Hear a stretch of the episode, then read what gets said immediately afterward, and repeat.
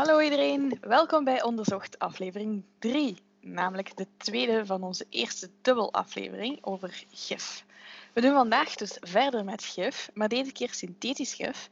En daarmee willen wij bedoelen dat deze giften niet van biologische oorsprong zijn en dat we zeggen dat het wel natuurlijk kan zijn, maar dus niet van een organisme, zoals bijvoorbeeld een paddenstoel of een bijtje afkomstig is. Maar eerst tijd voor de vragen van aflevering 2. Ja, dag iedereen. Even snel uh, wat vragen van de vorige aflevering nog snel beantwoorden. We hadden de vraag of spierrelaxaties en spierontspanner eigenlijk hetzelfde zijn. En we hebben gevonden dat dat door elkaar wordt gebruikt en dat dat effectief uh, hetzelfde effect heeft. We hadden het ook over um, de persoon met de zelfmoordpoging van 4 gram nicotine. We hebben nog even um, verder bekeken of dat, dat effectief wel allemaal uh, ja, binnen was gekomen. En effectief, die persoon had uh, heel wat overgegeven, waardoor ook niet al de nicotine gewoon kon opgenomen worden. We vroegen ons daarbij ook af of dat, uh, bij een e-sigaret eigenlijk de nicotine even schadelijk is, of dat dat ook eenzelfde hoeveelheid is. we hebben gevonden dat je verschillende hoeveelheden hebt van nicotine in een flesje. Dus dat afhankelijk van welk flesje dat je neemt, dat je ook meer of minder nicotine binnen hebt. Maar natuurlijk een e-sigaret wel iets gezonder, omdat dat geen tabaksverbranding is. En dat zorgt net voor de kankerverwekkende effecten. Dus puur qua nicotine is er niet echt zoveel verschil. Je kunt wel kiezen om zonder nicotine te gaan, maar er zijn andere voordelen aan die misschien iets positiever kunnen zijn. Dan hebben we ook gezocht in verband met de glutamaat en de Parkinson. Uh, Lisbeth stelde er vorige keer zich nog vragen bij.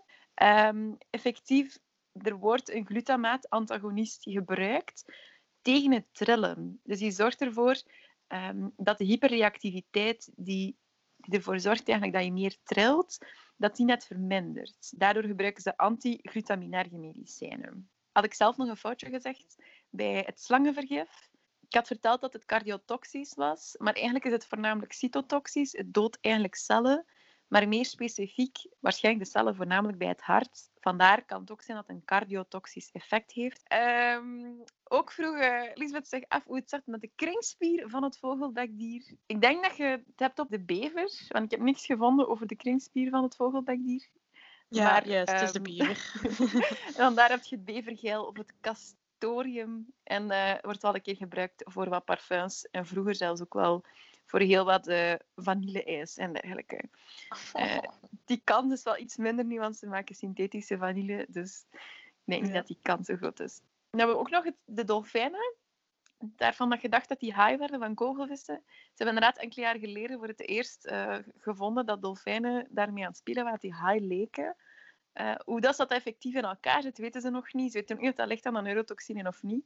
Ze wil daar nog geen uitspraak over doen, maar het was wel interessant om te zien. Het is wel een leuk filmpje om een keer te kijken. Het is inderdaad spelen met die kogelvis. Ja, en dan um, uh, is online zetten op onze, ja, ja, op onze media. En dan inderdaad, uh, wespen sturen feromonen uit, net zoals bijen. Dus als ze effectief denken dat ze gedood zullen worden, of als ze bang zijn of zo, dan sturen ze effectief ook feromonen uit, waardoor dat ze de anderen kunnen eigenlijk uh, waarschuwen dat er gevaar is. Ook het Nipah-virus, daar had je nog over gepraat de vorige keer. Uh, dat dat leek op corona, maar dat lijkt niet echt op corona blijkbaar. Dat komt ook uit Zuidelijk-Azië, uh, niet uit Afrika. Maar het is wel een familie van paramycoxyvirussen. Dus een familie eigenlijk van de mazen en de boffen. Dat is ook niet te onderschatten, maar het is geen link met corona.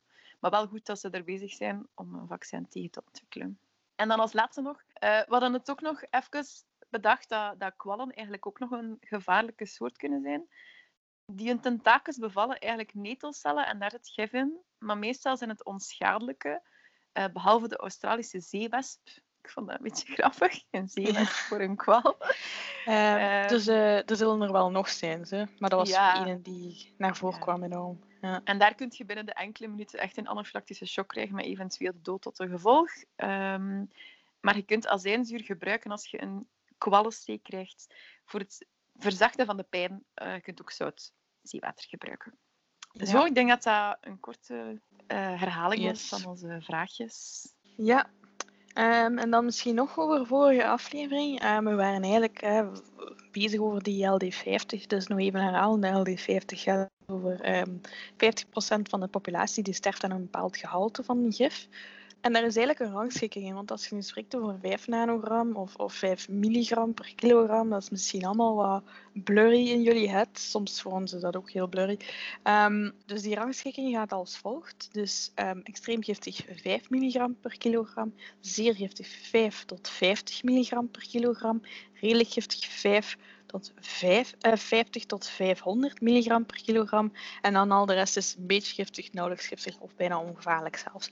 Dus het gaat eigenlijk um, onder die 500 milligram per kilogram uh, zitten we eigenlijk echt in een giftige range, zeg maar. Um, dus als we dan kunnen rangschikken van de vorige aflevering, was eigenlijk alles extreem giftig. Um, behalve de cafeïne. Dus de botox, tetanustoxine, uh, nicotine, ricine, strychnine, kogelvissengif en de groene knollen allemaal niet met zijn gekke gif daar. Um, die waren allemaal extreem giftig. Um, en ook om dan nog eens het verschil tussen nano, micro en milligram aan te halen. Dus een, um, 1 milligram, weten we, is uh, een duizendste van een gram. 1 microgram is een duizendste van een milligram. En 1 nanogram is een duizendste van een microgram. Dus 1 nanogram is veel giftiger dan 1 milligram als we het zo mogen uh, expliceren. Ja. Oké, okay, dat was nog wat extra info. Um, dan gaan we nu over naar onze synthetische gifstoffen. Dum dum dum. Um, we gaan eerst uh, beginnen met een paar elementen uit ons periodiek systeem. Waarbij ik al helemaal los ging door mijn achtergrond in de chemie natuurlijk. Het was even uh, een deep dive terug in, uh, ja, back to basics. Um, eventjes zeggen, die evenement, uh, evenementen, elementen zijn ook eigenlijk natuurlijk.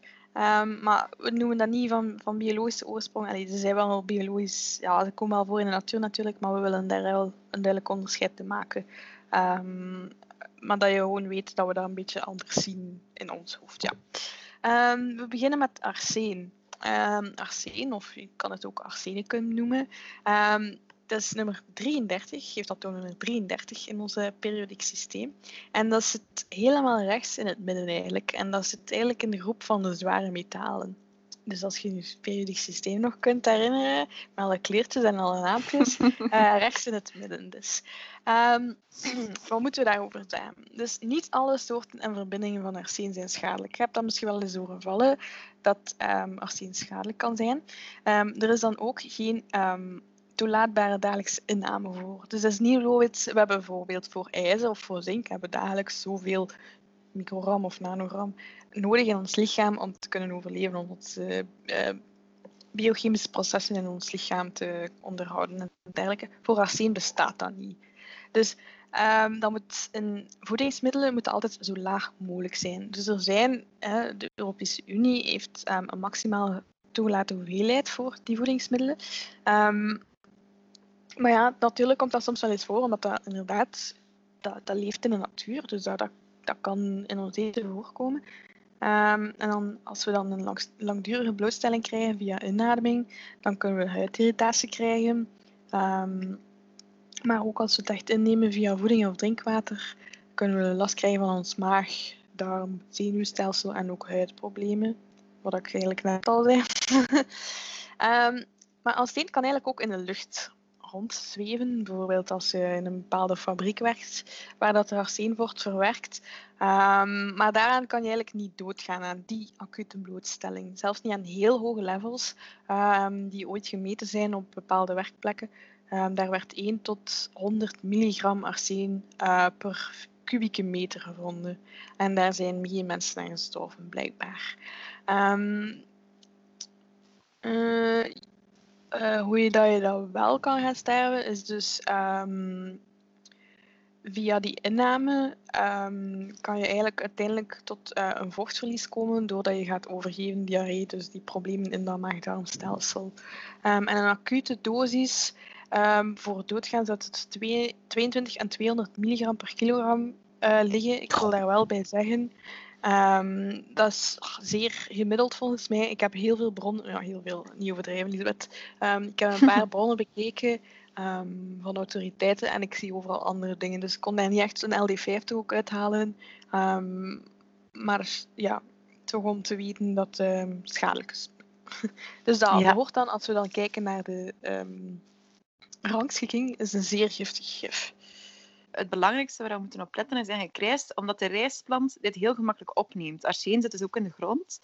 En omdat dat net zo makkelijk wordt opgenomen door de rijstplant, neemt hij dat ook verder mee in de rijst zelf. Het kan tot zelfs al tien keer zoveel arsen zitten in rijst als in andere graansoorten. Vandaar dat we er wel een beetje bezorgdheden over hebben. Um, het is niet dat je nu meteen ik weet niet hoe bang moet zijn dat je, dat je rijst eet of dat je arsen zou binnenkrijgen. Het is meer dat we um, aanbevelingen hebben dat we beter niet elke dag rijst eten. En zeker voor kinderen kan dat een vlugger gevaar hebben. Die zijn kleiner, die kunnen vlugge effecten krijgen uh, dan dat wij zouden krijgen. Uh, het hangt er ook vanaf hoe dat geteeld wordt, hoe dat bereid wordt, um, waar dat ook geteeld wordt. In elke grond zit er ook meer of minder arsen. En um, ja, blijkbaar heel veel te zeggen, op voorhand moet je je rijst laten weken, want dan komen er veel stoffen vrij, vuile stoffen, weet ik veel wat. Maar het is niet bewezen dat, dat arsen daardoor eruit zou logen. Het kan wel andere voordelen hebben. De studie heeft ontdekt dat het effect maar minimaal was op vlak van arsen. Dat je wel heel wat andere dingen afwast, uh, maar niet specifiek arsen. Uh, dus opnieuw, voor kinderen onder de drie jaar is het vooral uh, heel belangrijk uh, en hebben ze daar heel strenge reguleringen en afkapwaardes over. En opnieuw wordt heel hard gecheckt door de overheid. Ik wil graag nog iets meegeven. Um, moest je willen weten hoe dat de arsen in onze gronden in Vlaanderen zit, kun je op de website van de overheid, op OVAM, kun je dat eigenlijk gewoon bekijken. Ik vond dat eigenlijk wel zot om te zien, dat je zo'n kaartje had met op welke plaats er veel arsen zit en waar niet. Voilà. Ja, inderdaad. En niet alleen um, in rijst, maar bijvoorbeeld ook in een soort zeewier. Um, chiki. Uh, wordt er ook uh, veel arsen uh, van. Ik weet niet welk soort zeewier het is. Ik ga het nog eens opzoeken. De volgende aflevering vertel jullie dan meer daarover. Um, Arsen is wel uh, ook allee, kankerverwekkend, hè, zeker. Uh, daar zijn al veel studies naar gedaan. Maar het wordt ook tegelijkertijd gebruikt in de strijd tegen kanker. Bijvoorbeeld wanneer mensen um, uitbehandeld zijn tegen leukemie of zo, um, dan durven ze wel eens arsen te gebruiken om die kankercellen ik vind echt te vernietigen. ja, dat is zot, hè. Dat is, dat is weer zo die, die contradictie van giffen en dan tegelijkertijd geneeskundige krachten van sommige van die stoffen. Hè. Ja, je moet op zich iets doden. Hè. Dus ja, op zich is dat niet zo absurd, maar toch, je, je voegt een gif toe om te genezen. Ja. ja, inderdaad. En het wordt ook gebruikt als uh, antibiotica niet meer werkt. Dus als je bijvoorbeeld resistent bent geworden door vele antibiotica-behandelingen. Um, dan een leuk geschiedenisfeitje. Ik heb er eigenlijk twee er wordt gezegd dat Napoleon zou vergiftigd zijn met arsen. Maar blijkbaar is dat niet waar, omdat er mensen vroeger veel meer uh, blootgesteld waren aan arsen. Uh, dat zat in lijm, dat zat in verf. Um, ook als kleurstof. In snoepgoed werd dat gebruikt. Dus um, in zijn familieleden um, hebben ze ontdekt dat er daar ook heel veel uh, arsen in zijn lijf zat. Dus Napoleon is niet vergiftigd met arsen. Um, nog een ander nope. leuk feitje. Um, er is um, een bepaalde verbinding arseentrioxide, dat ook als rattenkruid werd gebruikt. Uh, dat blijkbaar stinkt dat ongelooflijk naar knoflook. Nog nooit uh, iets van gewerkt. Ik heb er zelf ook nog mee gewerkt daarmee. um, en uh, het is een deel van aquatofana. En aquatofana is een gifmengsel dat is uitgevonden in Italië in 1659. Um, en dat bevatte dus dat arseentrioxide, antimoon, loodtoxine, alpha-amanitine, dat is die groene knolamiet. Um, dus uh, dat werd heel lang gebruikt, ik geloof tot de jaren 1800, uh, als gif. En dan konden ze beginnen zien uh, in het lichaam via autopsie dat de mensen werden vergiftigd um, met die aquatofana. Um, en nog iets heel leuk. chemisch gezien komt arsen ja, komt arsen overeen met fosfor. En in 2010 heeft NASA een, publicatie gedaan um, van uh, een onderzoek naar bepaalde bacteriën, de GFAJ1, dat zal een strain zijn, um, dus een bepaalde subgroep zeg maar, van een bepaalde bacterie, um, die in uh, het Mono Lake in Californië voorkomt. En dat is een heel extremofiele bacterie. Dat betekent dat die in heel hoge um, temperaturen kan overleven. En die gebruikt arsen in plaats van fosfor in zijn DNA. Dus in onze DNA zitten heel veel fosforverbindingen. En blijkbaar is er dus een bepaalde um, bacterie die uh, gebruikt in plaats van fosfor. Vond ik wel heel interessant om te weten. Ah, en dat was cool. het, uh, onder, het, onder leiding van een uh, Felisa Wolf-Simon ja, ook wel belangrijk om te vermelden. Ja, voilà. Cool, cool. Arsen. Ja, ehm, ik ga het eventjes over een ander eh, element hebben. Ik ga het hebben over lood. Het is een zwaar hoofdmetaal. Het heeft nummer 86. En je kent het misschien van uh, de lode leidingen in je ouderlijk huis of misschien bij je grootouders. Um, maar het kan ook zijn dat je nog uh, misschien zelfs zelf getankt hebt voor loodvrije brandstof of niet-loodvrije brandstof. Uh, in de jaren 80, 90 kwam eigenlijk besef dat lood mogelijk gevaarlijk kon zijn. En dat werd eigenlijk al gebruikt van 5000, 4500 voor Christus. Dus we hebben al een heel lange historiek met lood. Maar um, ja, onze leidingen zo werden gemaakt uit lood en ze begonnen zich toch zorgen te maken. Dus uh, met, nu maken leidingen vooral door kunststof of staal. Um, het wordt ook nog gebruikt in accu's of ja, batterijen eigenlijk als geleider. Uh, maar vooral in accu's en het werd dus ook toegevoegd aan benzine als antiklopmiddel. Ik heb even moeten uitzoeken wat dat was, want zoveel weet ik niet van. Maar met andere woorden, als je um, brandstof wilt samenduwen eigenlijk, uh, dat mengsel waarin dat, dat zit, uh, kan tot ontbranding komen. Dus eigenlijk om dat ervoor te zorgen dat dat minder snel tot ontbranding komt, um, voegen ze daar een soort antiklopmiddel aan toe. Want uh, het onvoorspelbare tijdstip van spontane ontbranding ontstaat een onregelmatige loop van de motor. Het kloppen of pingelen genoemd, waardoor op den duur ook schade aan de motor ontstaat. Voilà, dan weet je ook wat een antiklopmiddel is. Uh, ik wist dat helemaal niet. um, ja, ik, dat zijn allemaal dingen die ik allemaal heb gezien uh, in mijn studies, dus ik wist er wel nog een beetje van. Voilà. Het verschil tussen chemie studeren en voeding en dieetkunde. um, ik heb ook gevonden op um, de website van uh, UNICEF dat 1 op 3 kinderen wereldwijd een loodvergiftiging krijgt. Het is wel voornamelijk in Afrika en Azië, en Zuid-Azië. Uh, niet Zuidoost per se, maar vooral Zuid-Azië. Omdat er daar nog heel veel lode leidingen liggen en ook heel veel illegaal recycling gebeurt van accu's. Dus um, ik had eigenlijk niet bij stilgestaan dat ze daar recycling doen, van onze accu's onder andere. Uh, en het kan een ze doen daar heel veel, sorry, ze doen daar heel veel recycling, hè? ook auto's. Ja, heel oude auto's die wij hier niet meer mogen gebruiken, bijvoorbeeld voor mm -hmm. omwille van um, allee, uitstoot en zo, worden ook naar daar gescheept en daar worden ze dan wel gebruikt. Wij dumpen letterlijk alles wat dat niet goed is voor ons, dumpen wij ginder. Dat is echt, echt extreem. Ja, maar ik wist dus niet, ik zal er niet bij stellen dat daar ook accu's werden gedaan, dat ook inderdaad schadelijke stoffen kan, uh, kan uh, ja, veroorzaken of, of uh, wegvliegen of dergelijke. Um, kan ook dus onherstelbare schade toebrengen als je loodvergiftiging krijgt aan het zenuwstelsel, de bloedsomloop aantasten en heel vaak ontwikkelingsstoornissen bij kinderen eigenlijk teweeg brengen. De LD50 voor lood is 450 milligram lood per kilogram lichaamsgewicht.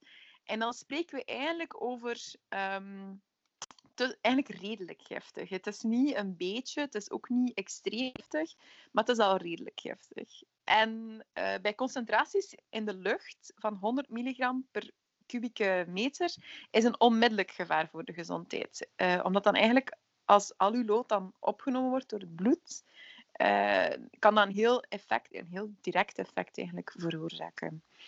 Het belangrijkste oorzaak van de toxiciteit eigenlijk van lood is eigenlijk de voorliefde voor het verstoren van de goede werking van enzymen. Hij doet dat eigenlijk door zich te binden aan sulf... Ik ga het niet kunnen uitspreken. niet Sulfi... Sulfidriel. Ja. Ach, ik vind dat zo'n raar woord. Sulfidriel. Ja, dus dat is een zwavelgroep en een, um, ja. een waterstofgroep of zoiets. Ja. ja. En uh, die worden net heel veel aangetroffen op enzymen en vandaar dat hij zich daarop bindt, waardoor eigenlijk dat enzym ja, minder goed kan werken. Uh, en vandaar dat hij eigenlijk enzymatische reacties verstoort. En we hebben heel wat enzymatische reacties in ons lichaam, dus het is eigenlijk heel belangrijk dat dat goed werkt. Wat ik grappig vond, uh, was eigenlijk dat als je een hoog calcium- of ijzergehalte hebt, dat dat eigenlijk meer beschermt tegen loodvergiftiging. Um, maar dat is eigenlijk omdat die essentiële metalen waarmee dat lood in wisselwerking staat, dat zijn vooral calcium, ijzer en zink. En vandaar, als er zeg maar, een, een, een vergroot aandeel is, dan zit je ook net meer beschermd daartegen. Uh, wat ik wel graag even zou zeggen, er is zoiets als de loodcriminaliteit-hypothesis. Ik wist dat helemaal niet, maar uh, dat is een mogelijk verband dat er bestaat tussen het hebben van verhoogde bloedniveaus van lood bij kinderen en de verhoogde criminaliteit. Dus effectief in, in bepaalde studies vinden ze dat terug. En ze vermoeden dat dat ergens gelinkt kan zijn. En vooral tegenover criminele en delinquente ehm, acties en ook recidieven later in het leven. Omdat dat eigenlijk toxisch is voor je brein. En dat je zo ontwikkelingsstoornissen kunt krijgen, waardoor dat je dus in effectief een ander gedrag kunt krijgen. Ik vond dat wel behoorlijk frappant. Ehm, en voor mij zijn uh, ook iets wat mij doet denken aan mijn mama. Die was uh, uh, tandarts thuis en we hadden onze had haar eigen praktijk. En die had een lode schort hangen. Dus dat was zo'n gigantisch zwaar ding. Want zij maakt haar eigen röntgenstralenfoto's om foto's te maken van tanden. En die deed het dan aan. En dan ging hij een knopje duwen achter de hoek. maar toch had hij een lode schort aan om zich te beschermen. Dus ik vond het altijd zo als kind super zot om dat te zien. Hè. Voilà, dat was lood. Ja. Um, lood beschermt ook tegen um, radioactiviteit. Hè? Dus um, ah, ja. rond doelen en dergelijke zijn er heel dikke lode muren. Het beschermt niet 100%, daar hebben we niet, die bescherming. Maar wel, uh, het is het ene metaal dat zo, zo goed beschermt tegen radioactiviteit. Ja. Zot, hè? Ja, inderdaad. Dus uh, geen lood te nemen, jongens. Gevaarlijk. niet. Ja, over naar onze volgende. Quick. Kennen we allemaal wel, hè? Dat zit in onze temperatuurmeters. Meters. Thermometers. Um, allee, vroeger vooral, hè. nu gebruiken we dat niet meer in huishoudens, net omdat het zo giftig is. Um, het is een, eh, een zilverwit, zwaar overgangsmetaal. En een overgangsmetaal is niet, um, zit niet helemaal rechts. Het zit een beetje rechts van onder in het midden, maar niet helemaal rechts in onze periodiek systeem. En het heeft nummer 80.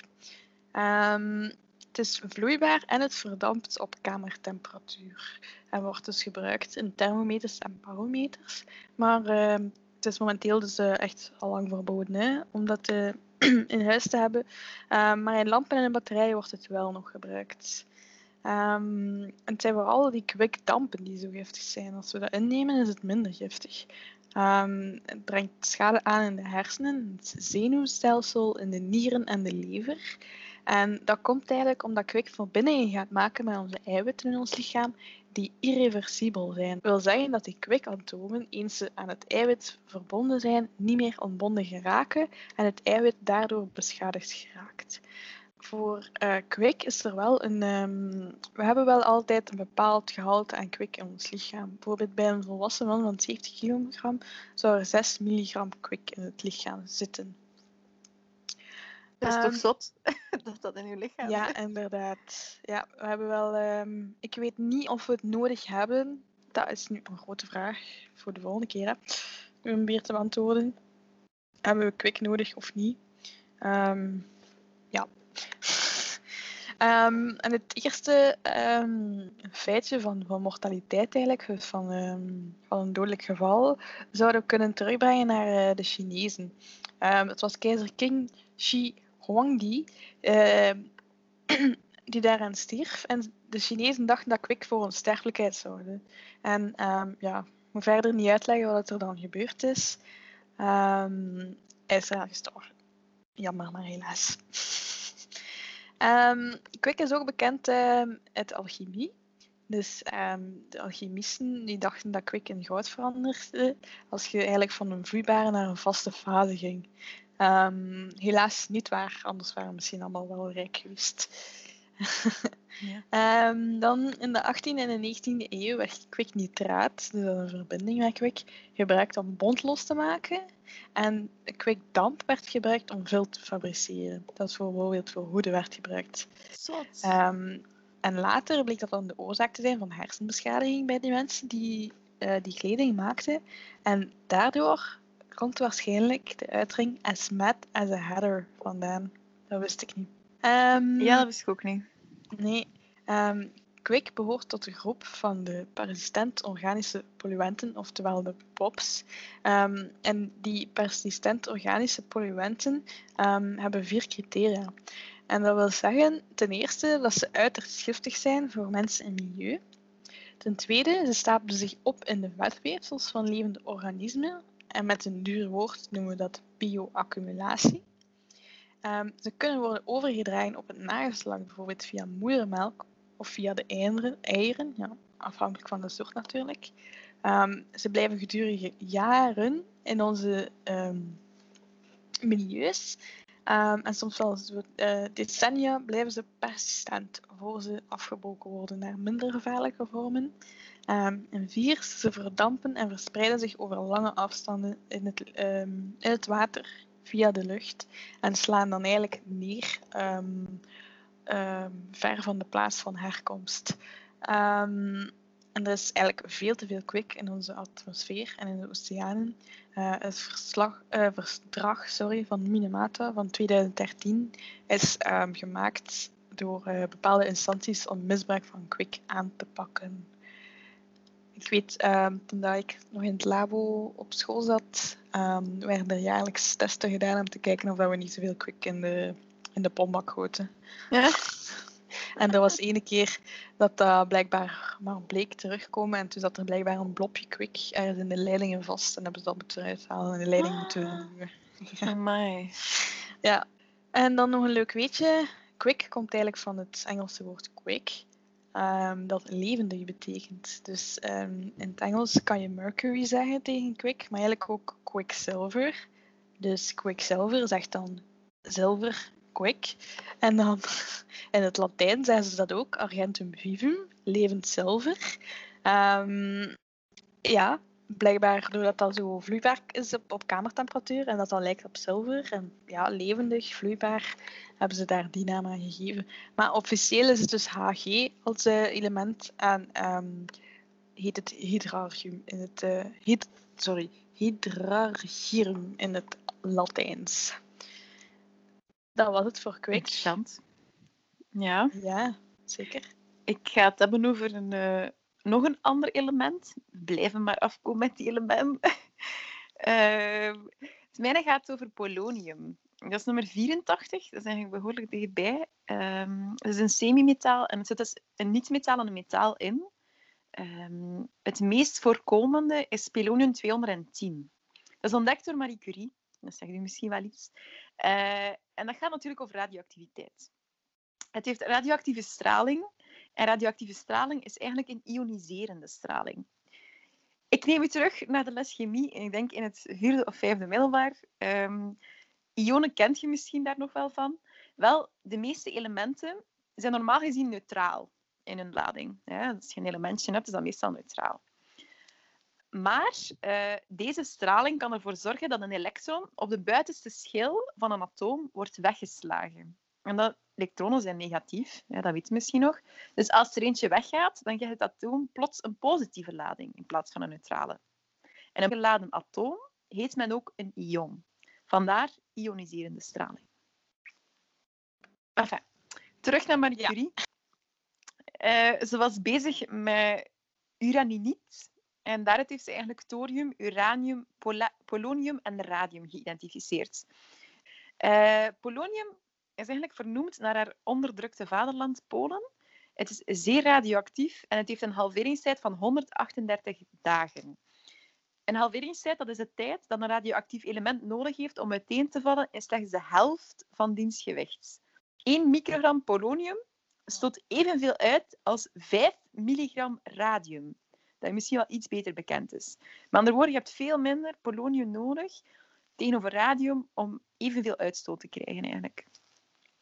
Uh, het wordt ook, ik heb het toch gelezen, gemist door de klassieke geigeteller. Met andere woorden, dat, dat bakje dat altijd zo piep, piep, piep doet in, uh, in radioactieve straling, meestal gaat daar polonium niet op gedetecteerd worden, blijkbaar. Dat vond ik wel echt heel frappant. Want ik dacht dat dat ding niet. voor alles werkte van radioactieve straling niet dus. Um, blijkbaar is de LD 50, 50 nanogram als je het opeet en 10 nanogram als je het inademt. Dus je hebt minder nodig om in te ademen. Um, vaak op langere termijn krijg je longkanker. Komt voor in tabak en sigarettenrook, dat wist ik helemaal niet. Um, ze hebben die proberen te verwijderen, maar dat is nog niet gelukt. En hoeveel zit er daar dan in? Dat weet ik niet. Ik heb gewoon gelezen dat heel wat um, tabaksfabrikanten daarmee bezig zijn om die straling die daar eigenlijk door wordt ontwikkeld, uh, daaruit te krijgen, maar dat dat tot nu toe nog niet gelukt is. En dat die straling eigenlijk ook extra toevoegt aan longkanker. Um, ja, kunnen ze dan niet ook al de rest eruit halen dat schadelijk ja. is? Allee, ja. Het is toch al zo één hoopje brol dat daarin zit, dus waarom ja, de rest niet? Ja, maar ja, omdat Oh, dat extra... En dan kunnen ze zo zetten op het sigarettenpakje. Nou, it's zero polonium. Niet meer radioactief. Oh god. Nee. Maar ehm, uiteindelijk hebben ze... dat is wel nog behoorlijk eh, giftig eigenlijk, polonium. Want eh, naar, het schijn, naar het schijnt is Yasser Arafat daarmee vermoord. 100% zeker zijn ze dat niet. Maar ook Alexander Litven- dat is een geheim agent van de KGB, is ermee gedood. Hij had één korreltje, dus ik spreek echt over een zoutkorrel. Hè? Dat is 60 microgram, dat was eigenlijk al genoeg. Ehm, heeft hij zijn thee gekregen en vanaf dan was hij eigenlijk radioactief. Dat was super raar om te zien. Alles wat hij aanraakte, werd dan natuurlijk ook radioactief. Want als dan alles weet- zo... Kreeg dan alles zo'n gloed? Ah, wel, ik heb dat eigenlijk gezien op een, een, ehm, een serie van eh, Netflix. Ik denk. Spycraft of zoiets. En dat is dus een tweede of derde aflevering. Het gaat over gif. Ik vond dat natuurlijk kei interessant, dus ik ben meteen beginnen kijken. En je ziet dan echt zo alle oppervlakten, waar dat er dan zogezegd zou geweest zijn, die dan plotseling allemaal radioactief zijn. Dus je ziet dat niet, maar het is wel ook echt zo. Dus hij, had, hij was ergens in een hotel en hij had iemand daar ontmoet. Dus twee mensen van de KGB ook, of ja, van de tegenstanders. Ehm, en die waren daar helemaal niet zo voorzichtig mee omgesprongen. Dus die waren met dat korreltje, hadden die ook eh, die hadden dat bij en die hadden dat aangeraakt. En die hebben dus ook echt zo de zeteltjes in een, in een vliegtuig en zo, die waren allemaal radioactief geweest. Dus dat was echt Zot. zo een beetje een drama, want ja, dat moet ooit goedgekeurd zijn door de staat. Je geraakt daar niet zomaar aan. Dus ze weten eigenlijk wel dat dat waarschijnlijk een van de eerste nucleaire moorden waren, ja, was, waar dat ze eigenlijk echt van wisten. Dat is eigenlijk ook maar Ja, ja. achteraf duidelijk geworden. Eh daar wordt er heel hard op gecontroleerd en je kunt daar niet zomaar aan. Dus het moet ergens wel ontwikkeld zijn en allee, ja, vooral ook ge- geregeld zijn via een overheid. Russen. Altijd de schuld. van de Russen. Waarschijnlijk.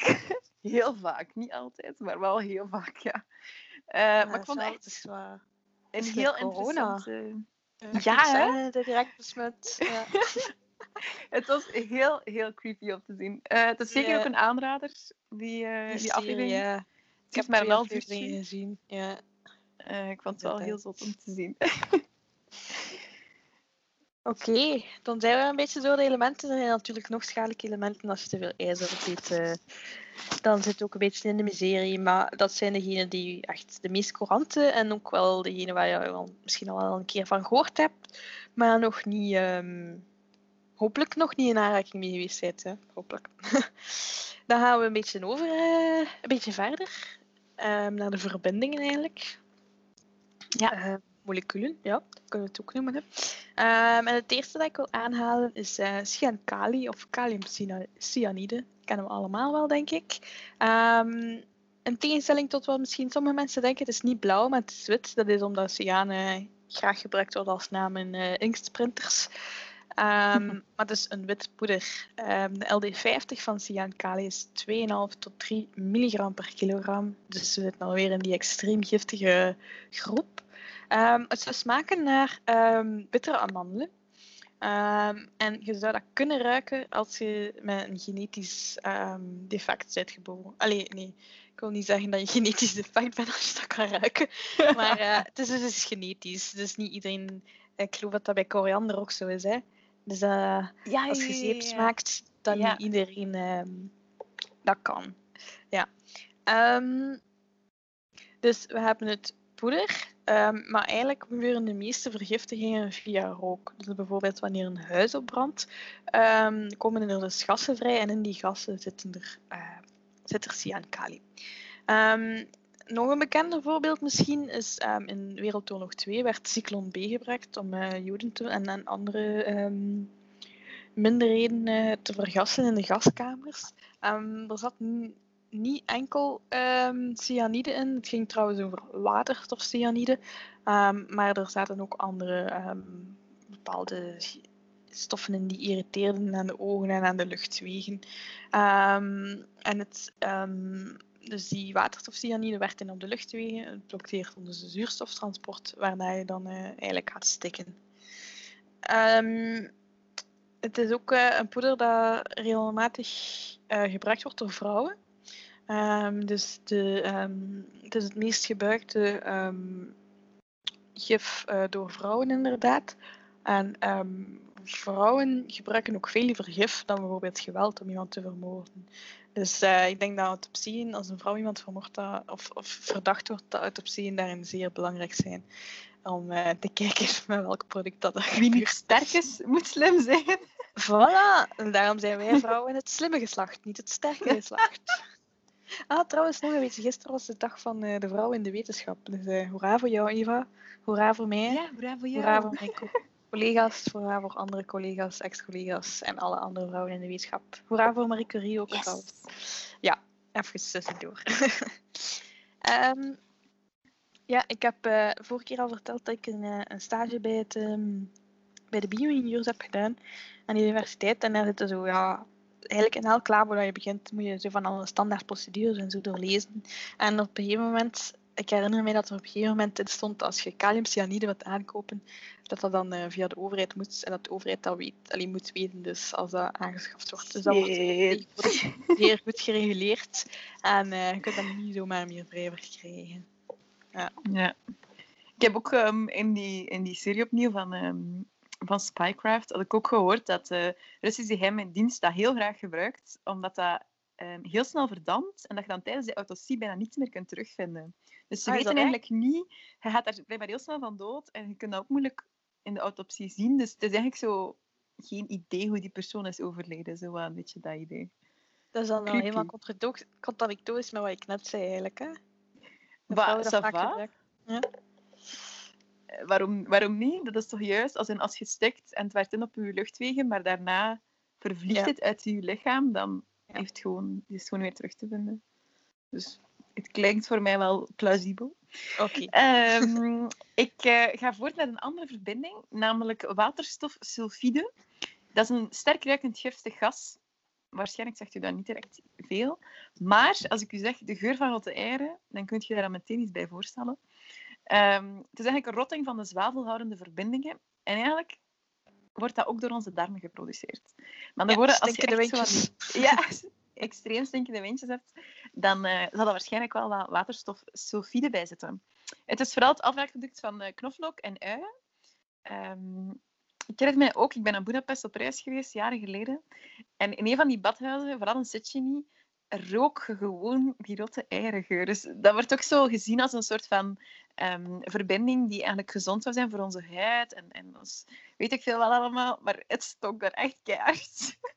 dat weet ik echt Ja, niet. ik weet me dat ook te herinneren. Ik ben er ook eh, geweest eh, in Budapest in een van die baden. En inderdaad, dat ook niet zo fris. Maar en daarna- dus- Ja, inderdaad. Maar daarna zijn je super moe van al die, ja, van al die zouten die inwerken op je lichaam. En van die warmte gewoon. Ja, ook. ook. Het is wel, een Maar dat is, wel leuk om te doen. ja, dat is wel Ja. heel tof om te doen. En je hebt er genoeg in Budapest. Je moet helemaal niet naar de, de meest bekende gaan. Ehm, het wordt dus in ons lichaam gemaakt en we hebben het ook nodig. Het wordt onder andere gebruikt om de bloeddruk te reguleren. Het wordt ook gebruikt om ontstekingsprocessen af te remmen. En het werkt ook beschermend tegen oxidatieve stress. De exacte werking van waterstofsulfide als gif is nog onduidelijk, maar men vermoedt dat het gas hemoglobine inactiveert. Met andere woorden, het zuurstoftransport onderbreekt.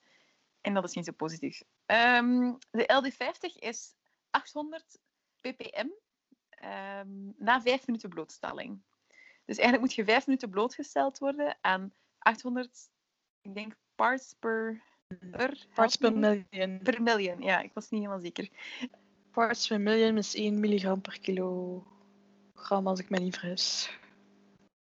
Dat zou wel goed kunnen. Ja. Ik ga het dubbel opzoeken, maar ik vermoed dat dat het is. Ik ben bijna zeker hoor.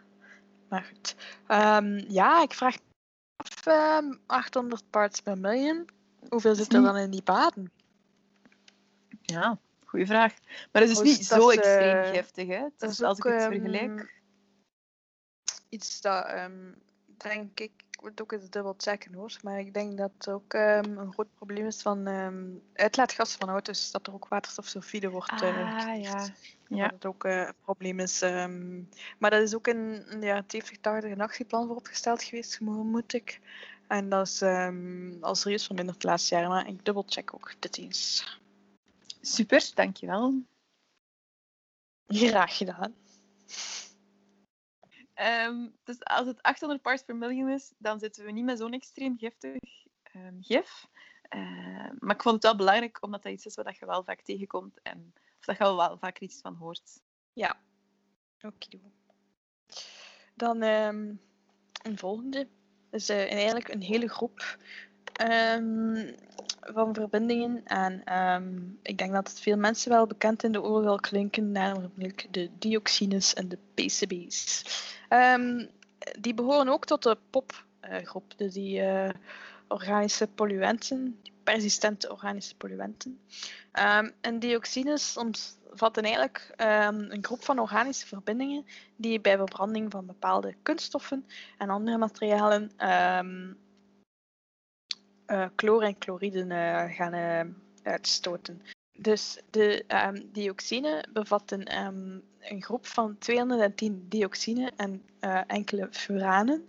En van die 210 zijn er 17 giftig.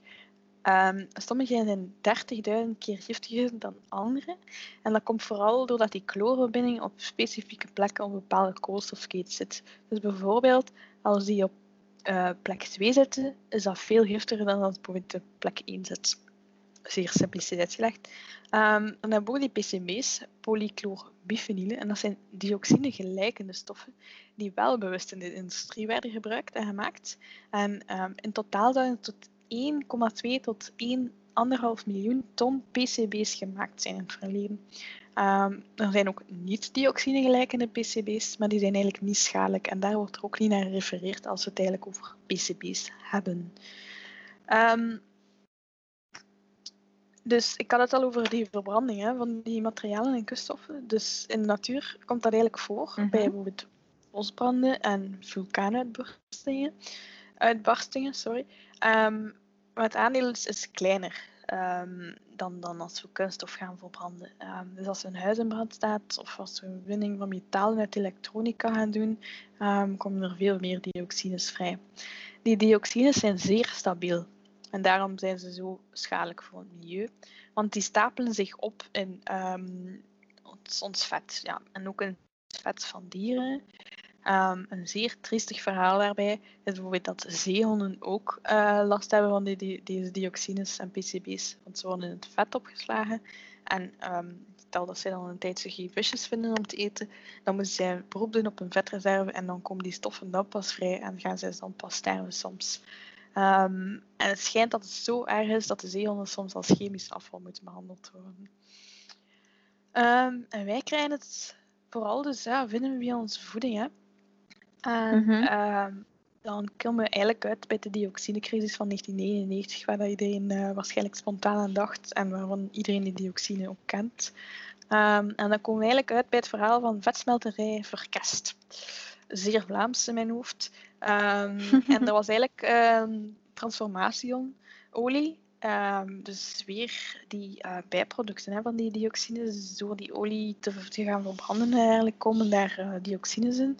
En die was blijkbaar gemengd geraakt met andere vetten. En is dan zo uh, in onze voedingskring terechtgekomen.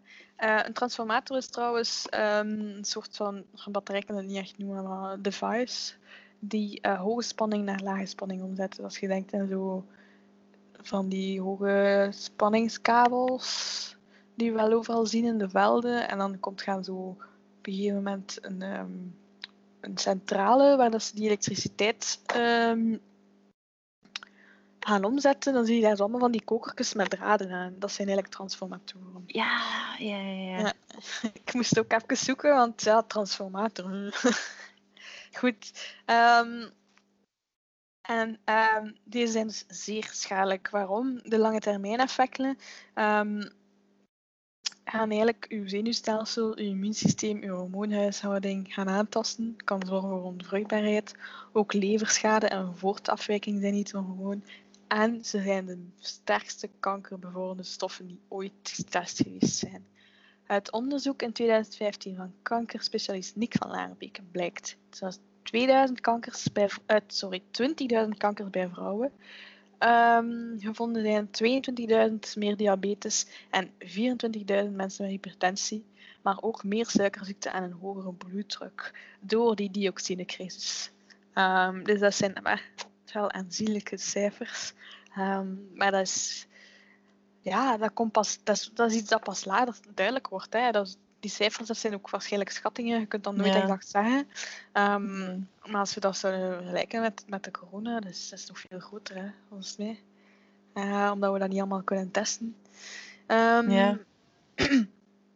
Groter is misschien wel wat te extreem uitgedrukt. Maar we kunnen ook wel eens van een soort epidemie gaan spreken, eigenlijk. Als we Mhm. het zo bekijken.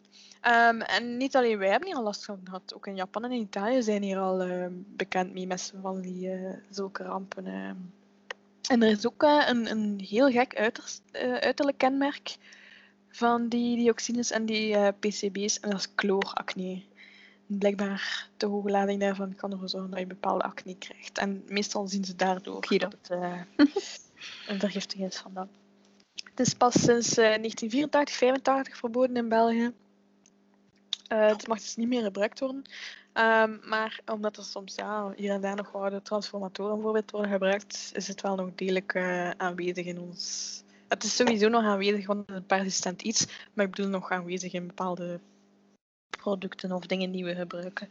Ehm, Mhm. Het is ook zeer doelbewust gebruikt vroeger. Ehm, ik weet niet of dat jullie het weten, maar het bekendste voorbeeld is misschien wel Agent Orange, dat gebruikt werd door de Amerikanen in de Vietnamoorlog. Ehm, dat is een herbicide en een ontbladeringsmiddel eigenlijk. Ehm, en het gaat niet alleen over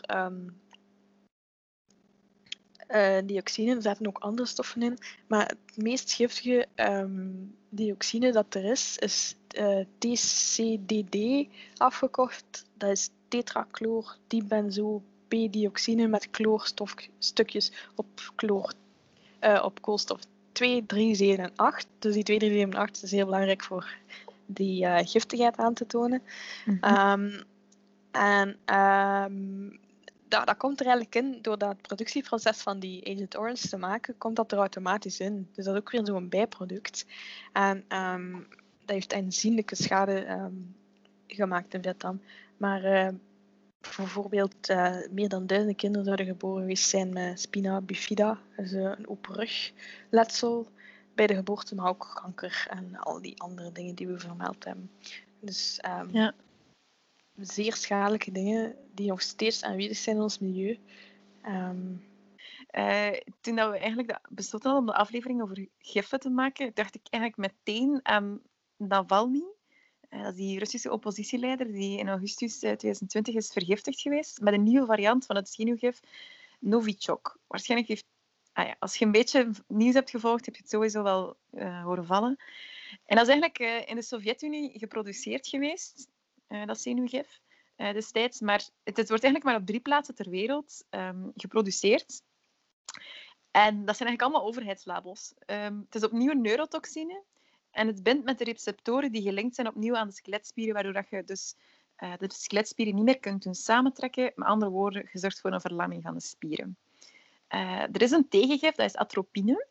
Eh, maar dat zorgt er eigenlijk voor, dat is niet echt tegen tegengif, maar eigenlijk is het een soort van bescherming. Het zorgt ervoor dat eigenlijk in plaats van dat gif die zich op die receptoren bindt, wordt eigenlijk atropine op die receptoren gebind. Maar die atropine wordt met een tijd, die binding wordt ongedaan gemaakt. Dus met andere woorden, je skeletspieren worden plots weer terug bruikbaar. Terwijl bij ehm, zo'n gif zoals Novichok blijft die binding. Die binding is niet meer ja, ongedaan te maken eigenlijk. Eh, dus eigenlijk kan je daarna wel deels opnieuw herstellen met de, de, ja, de resterende die nog overschieten, om het zo te zeggen. Maar veel beter is dan een binding die niet meer kan worden ongedaan gemaakt. Ehm, de L350 eh, van gewoon huidcontact zou 1 milligram zijn. Dat zou een van de sterkste neurotoxines zijn, maar gewoon ja, dat je het nog maar op je huid krijgt. Ik zeg niet over op je lippen of, of inademen of zo, maar gewoon dat je nog maar tegen zit. Eh 1 milligram zou eigenlijk al genoeg zijn.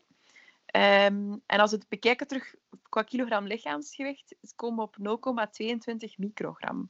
Dat is inderdaad weer eh, een heel sterk ehm, ja, toxisch gif waarover te ja, spreken. dat is 220 nanogram.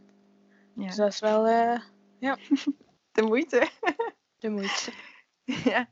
Ehm, opnieuw terug uit die aflevering van... eh, Ik ben nog niet alles aan het verklappen, maar opnieuw van die aflevering van... eh, van net, Netflix. Ehm, was er dus een, uh, bij Skripal, dat is ook een, uh, die was ook van de Russische inlichtingendienst, hadden ze eigenlijk um, op zijn deurklink wat van dat, van dat gif eigenlijk gespoten. En ze hadden eigenlijk um, in een klein parfumflesje gestoken. Waar dat, dat helemaal niet opviel, waar ze daarmee onderweg waren. Dat leek alsof ze gewoon parfum mee hadden. maar ze hadden gewoon van dat gif op de, op de deurklink gespoten. En eigenlijk in no time was, was hij samen met zijn dochter, hadden die die deurklink aangeraakt. En zowel hij als zijn dochter hadden daar heel veel last van. Ze hebben dat gelukkig op tijd ontdekt. Maar um, ze wisten initieel niet hoe dat, dat erop was geraakt en, en hoe ze dat binnen hadden gekregen. Hij was nog niet zo lang uit de gevangenis of zoiets. Uh, het hele verhaal ken ik niet. Maar um, het was niet duidelijk hoe, hoe dat, uh, dat hij dat binnengekregen had. En toen hadden ze dus uh, mensen die echt zo in, in vuilniszakken zochten, waarschijnlijk mensen die, die het minder breed hadden. Um, en ze hadden dat parfumflesje gevonden, elf kilometer verder, in een vuilbak. En uh, blijkbaar had, ze dan, had die vrouw dat op zich gespoten en die is er wel van dood gegaan. Maar dus Skripal en zijn dochter niet. Maar dat eigenlijk echt extreem, extreem zot is. Want alles, gelukkig dat ze dat dan ontdekt hadden, allee, het is wel heel vreed voor die vrouw, maar ze hebben alles moeten vernietigen. Want niemand weet de halfwaardetijd van het zenuwgas. Um, wow.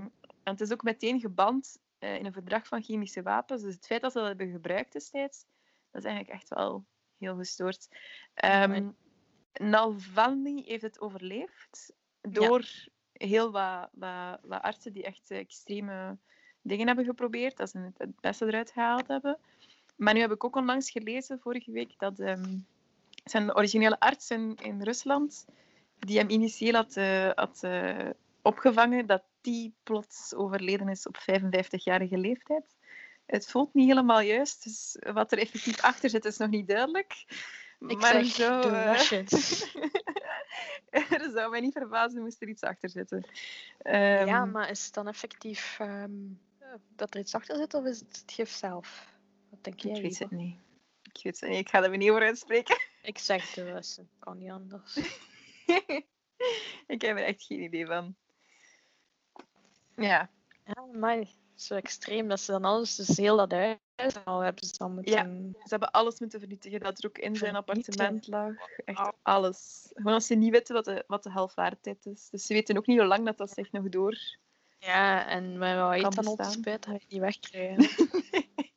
nee. Dat niet, nee. Maar die Russen zijn daar toch echt zot in. Volgens mij hebben die echt labo's met zo van al die wapens.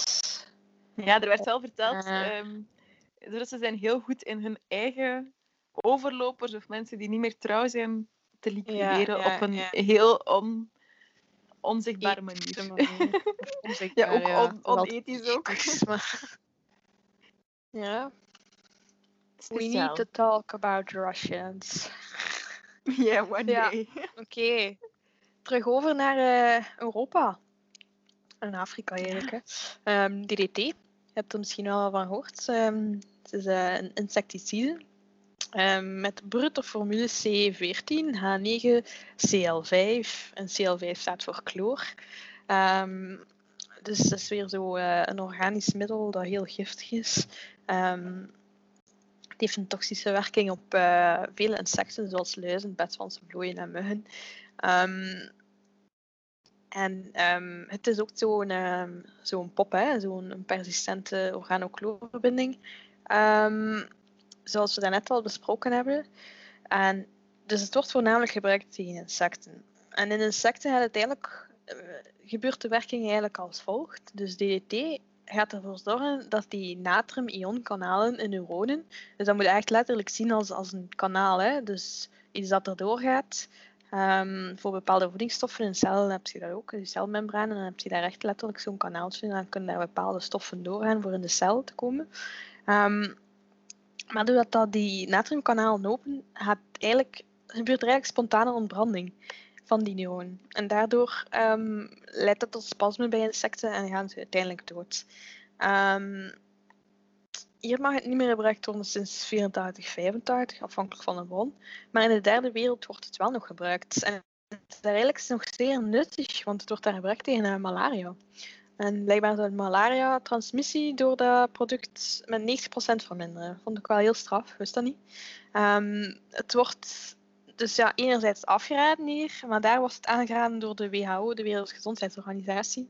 Um, het is niet zo dat de mug daarvan sterft, de malaria-mug, maar eerder uh, dat ze niet graag in de buurt is van dat goedje. Ze, loopt daar niet graag op, ze, zijn niet, ze voelt zich daar niet welkom. Um, DDT is een van die vele stoffen ook die uh, een hoge resistentie bereikt bij insecten. Dus het werkt ook niet meer zo goed als vroeger tegen muggen. Um, en dat is ook een gevolg van uh, gigantisch veel gebruik in de landbouw. Um, dus ik zei al dat dat weer zo'n persistente stof is. En um, blijkbaar zit het ook al in het vet van de pinguïns op Antarctica. Dus de eerste zeehonden, nu de pinguïns, mijn dierenhaar breekt. En het is weer hetzelfde verhaal, hè, die bioaccumulatie. Um, dus wij uh, eten, allee, zij eten iets, wij eten hen. En, en zo komt het ook bij ons terecht. De voedselketen is helemaal um, doordringt van de PCB's, de dioxines en de DDT's. Om het dramatische uit te drukken. ja. En um, het is blijkbaar ook zo persistent dat het uh, in, in veel moedermelk voorkwam. En dan echt wel in alle landen. Um, nu door de beperkingen is dat wel al aanzienlijk gedaald, maar het is zeker nog niet verdwenen. En zeker in de, in de streek waar het nog mag gebruikt worden. Hè. Um, DDT qua toxiciteit is niet zo acuut toxisch, dus het gaat er niet direct aan door. Maar het is wel een hormoonverstonende stof. Um, waarschijnlijk ook weer uh, invloed op, op onvruchtbaarheid en dergelijke. Um, waarschijnlijk kankerverwekkend, er is wat discussie over. Um, zijn er onderzoek naar aan het doen. Um, maar dat staat bij heel veel stoffen. Hè. In, in, in, de oplijsting van toxiciteit waarschijnlijk kankerverwekkend dat steken dat ze denken dat is, maar dat nog niet echt um, ehm, 100% bewezen is. Um, het is uh, via opname dus dat het ook weer het grootste probleem is en die opslag in vet. maar eigenlijk wil ik afsluiten uh, met een heel mooie noot een heel mooie molecule. Het is perfect spiegelbaar. Dus is, uh, hoe noem je dat nu weer, Eva? Speelbaar. Ik weet het niet meer. Ja. Even, evenwijdig, evenzijdig niet als wiskunde. Um, het heeft dus zo twee mooie benzeenringen. Ik weet niet of je dat nog kent van het chemieles. Een benzeenring is zo een, een zeshoek met een, een, een, cirkeltje erin. En um, ja. er zo twee mooie kloortjes aan. Dus ja, nee, uh, sorry, daar hangen meer kloortjes aan. Um, ja, mooie moleculen. En dan zijn dat we mag, dat mag. Ja, was dat weer heel interessant. En ik denk we dat hebben... we één conclusie mogen maken. Ja. En dat is dat vroeger echt niet alles beter was. ik denk dat we nu zoveel meer weten dan vroeger. Voor zoveel stoffen. En uh, dat maakt het misschien soms wat onzekerder en, en enger. Maar... Uh, we zijn ook al heel ja. veel gegroeid van dingen dat we ja. eigenlijk heel gevaarlijk zijn. Maar je hebt nog een kattenweetje, hè, Lisbeth? Ik heb nog een kattenweetje, ja. um, dus om nog eens terug te koppelen naar onze dosissen van gif en, en uh, geneeskundige dosissen van gif. Um, ibuprofen is uh, zeer schadelijk voor katten, blijkbaar. Uh, dus ibuprofen is een, een NSAID. Ik lees dat idee. Nufzout. Nufzet, sorry, Nufzout. Nufzet. maar dat is een non, niet steroïda, ah, niet steroïdaal anti-inflammatoire drug. En we kennen ja. dat allemaal wel als uh, Speedifan of Nurofen. Um. En uh, terwijl dat wij mensen dat eigenlijk gaan, um, gaan afbreken in onze lever en dan komt er langs de urine weer uit, kunnen katten dat niet. Dus die katten kunnen die lever kan die drug niet omzetten. En het medicijn wordt eigenlijk continu gerecycleerd in dat lichaam. Dus dat komt uit die lever gewoon en dan gaat weer helemaal up in de bloedbaan uh, terug. En daardoor um, krijgen we eigenlijk een soort cyclus van een continu te hoge dosis van ibuprofen. En ja, het is een soort van slechte recyclage in het lichaam van de kat. En dat is dus schadelijk en dan sterven ze. Dus, en dat echt over lage dosissen. Dus um, opletten met die pillen. Sorry. opletten met de pillen, stik ze hoog en droog. Ook weg van de kindjes. En as we speak, mijn kat heeft deze week twee keer van planten gegeten, wat hij nooit deed voor. Nee! Twee keer. En ik ben hier nu net aan het kijken en die is hier nu gewoon weer bezig. Ongelooflijk. Net als ik over die kat aan het praten ben. Niet te doen, dat beest. Hey, wat aan.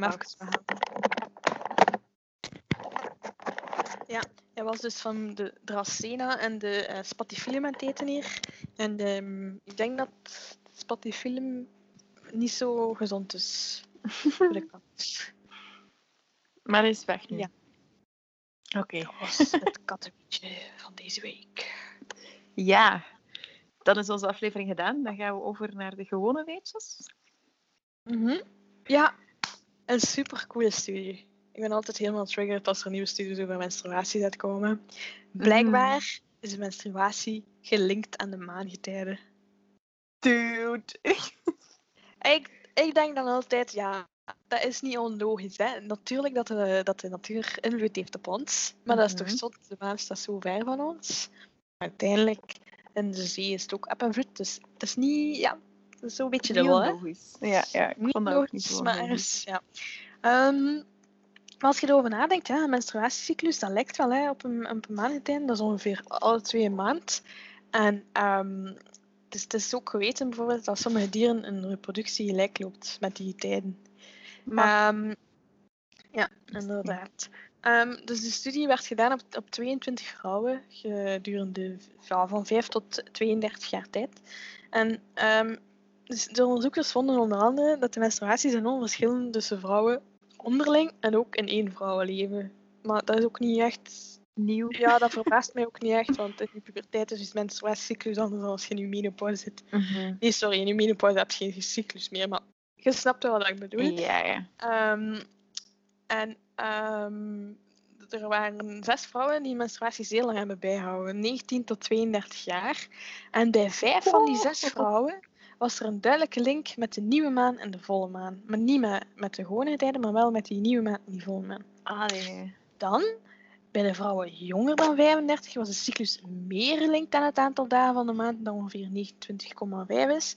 En eh, bij de ouderen was dat maar 26,3 dagen dat ze een cyclus hadden. Dus dat is ook wel straf, hè?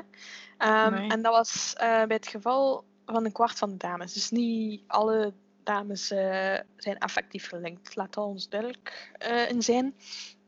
En ook zagen ze dat er bewijs gelinkt was aan de zwaartekracht van de maan. Dus ja, dat is nieuwe info. Inderdaad. Maar het is dus, ehm, de vraag is dus, ja, is, is die maan effectief, heeft die effectief invloed op onze humane processen in het lichaam, zeg maar?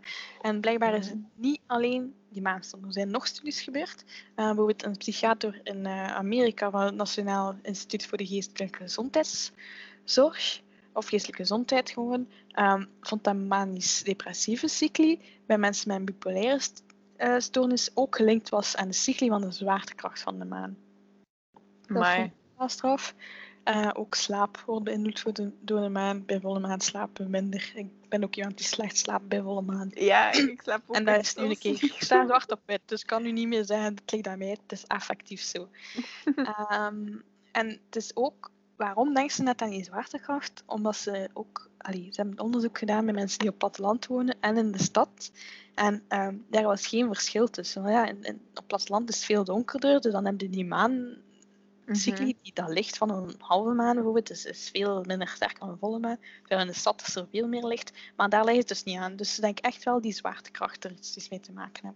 Zot. Dus ja, het is nog niet superveel bewijs, maar er is wel een richting van die maan, die doet niets met ons. Ja, intriguing. Indeed.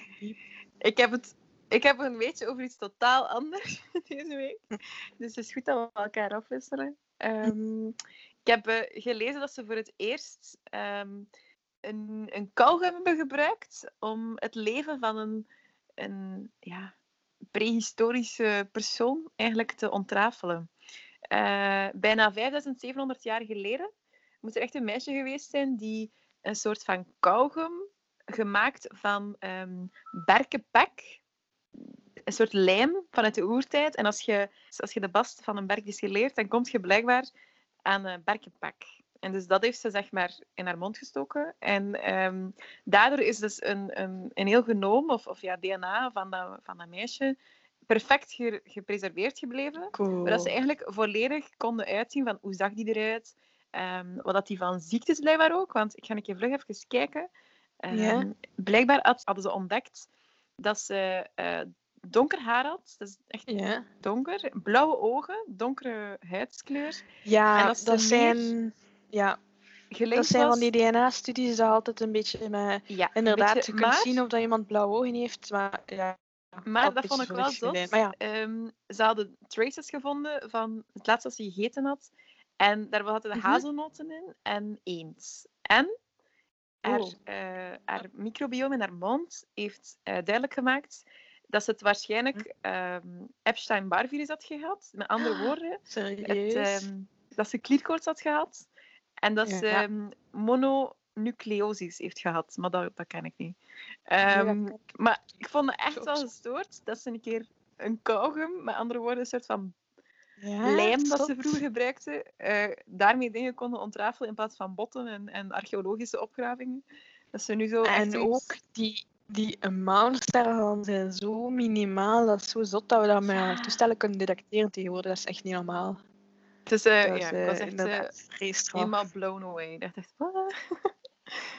Het doet mij altijd zo denken aan zo, dat, dat is zo wat gelinkt en, en als er moord, allee, ik ben nogal een true crime van, dus als er een moord is gebeurd en, en ik had zo eens een serie op, op VTM gezien en ze, de wetstoksters of zoiets was dat en, en ze zeiden van ehm, eigenlijk is het tegenwoordig zeer moeilijk om, om al uw sporen uit te wissen. Dus je kan aan de hand van zo kleine minimale hoeveelheden zien wat je hebt gegeten of, of wie dat je zijt of ja, DNA en zo. En ik vind dat, ja, dat is zo wat gelinkt aan elkaar. Ik vind dat echt straf dat we dat kunnen. Yay, science. ja, ik heb nog ehm, een heel ander weetje. Ehm, ik was ehm, een paar jaar geleden naar TED Talks aan het kijken en ik kwam eentje tegen van Dr. Jen Gunter. En ehm, zij had het over taboes en menstruatietaboes. Ik heb hier al twee keer over menstruatie vandaag. Ik weet ook niet waarom. Het is toevallig, echt waar. Ja, en, de vraag was in haar TED-talk, waarom kunnen we er niet over praten eigenlijk? En ik was echt helemaal getriggerd. En ik heb dat bekeken en het is een beetje zo raar dat ik ook ben beginnen nadenken over mijn menstruatie en mijn problemen, maar later daarover meer. En er zeker nog verder op in een andere podcast. Ehm, Mhm. en eh, ik volg haar nu al even op Twitter. En de laatste tijd is ze echt enorm hard aan het gaan op verschillende eh, mythes te ontkrachten. Zowel qua vaccins ook, maar ook ja, dingen die haar meer eh, aanspreken. Nu is ze bijvoorbeeld bezig over een, ehm, een eh, vaginaal product. Dus zo like die lactatietoestanden om je vagina Ja, wassen. ja, Dat ze ah. speciaal hebben ontwikkeld voor tienermeisjes. En ze is dat echt zo, ik ben daar ook al zwaar niet mee akkoord, dat je eigenlijk een, een tienermeisje gaat zeggen van jouw vagina ruikt niet zo fris. Ehm was ze maar met Mhm. dit speciaal product. Ehm, en, en ze is daar heel rechtuit in en heel hard in. En, en het is ook gewoon niet gezond. Dat heeft, dat heeft allemaal zijn eigen microbiome. Mhm, en Je moet daar niet te mhm. veel aankomen eigenlijk. Ehm, en ja, ze is ook zeer eh, anti-Trump. Ze is eh, wel wat feministisch en ze zegt on a roll to kill the pa- patriarchy. En ja, ik, ik vind ze echt fantastisch. Ehm, ze heeft ook een boek, de Vagina Bible, die staat op mijn lijstje. Het zal nu niet voor direct zijn, maar het staat er wel op. Ze heeft ook net een blog gemaakt, de Vagenda heeft ze die genoemd. En eh, om ehm, toch nog even een uitsmijterje van haar, haar vastgeplakt een tweet op Twitter is Come for the sex, stay for the science. Come for the science and stay for the sex. Dus ja, taboes ehm, is, is niet aan haar besteed en ze smijt alle ruiten open. Allee, ze gooit alle ruiten open. En Tijd ja. En dan nog een laatste Netflix-aanrader. Eh, Eva, jij had het al over Spycraft. Ehm, ik zou daar graag nog zeker in verband met vandaag aan toevoegen. Radium Girls. Dat gaat eigenlijk over eh, Ah. dames die in de jaren stilletjes... ah, sorry, ik weet niet meer welke jaren. ehm, zo eh, van die klokjes moesten maken. En daarop verli- eh, hadden ze dus... ehm, ja, ze radium om de... ehm, de cijfertjes op de klok te verlichten, zodat die oplichten in het donker. En dat, wa- dat was echt met f- fijn ehm, handwerk. Hè. En daardoor Mhm. werden dames daarvoor gebruikt. En ze gebruikten die radium dus. En er werd echt gezegd om een penseeltje zo fijn mogelijk te houden, hè, eh, moet je daaraan likken en dan dat daar, daarop schilderen. Maar ja, hè, we hebben vandaag geleerd dat was radioactiviteit. Dus die dames zijn er niet zo goed uitgekomen. Ik heb daar eh, echt anekdotes van gelezen. Ehm, dat er, eh, ik geloof dat ik dat ergens een keer in een boek heb gelezen een paar jaar terug, maar dat er echt zo dames waren die echt die een kaken gewoon en het verbreideld waren van de radioactiviteit. Ah. dat, ja, die zagen echt immens af. Ehm, en uiteraard wist de hogere top wel van die schadelijke producten, maar zijn ze daar toch gegaan. Ehm, ik heb het nog niet bekeken, ik weet niet hoe het zit, maar eh, als je geïnteresseerd bent, Ja, klinkt niet slecht. Nee, Ik heb eh, ook nog een eh, klein weetje. Ja. Ehm, het eerste smaakcentrum van ons land is geopend in Zwijndrecht. Patiënten met smaakverlies... Ze willen proberen om patiënten met smaakverlies terug lekker te laten eten. Zowel voor Oh. kankerpatiënten als voor mensen die corona hebben gehad en blijven problemen hebben met smaak of geur. Ehm, dus ik vond dat wel interessant om nog even bij te voegen. En ik heb nog een andere weetje, eigenlijk eh, gezien op de standaard. Het is gewoon een artikel, niet Mhm. specifiek of speciaal. Maar ehm, er zijn hackers binnengedrongen in een waterzuiveringsinstallatie om te Ja. manipuleren met het water. En dat was in Florida, dus in Amerika. Eh, maar ze is eigenlijk heel snel ontdekt geweest en dat heeft bijna geen kans gehad om iets te doen.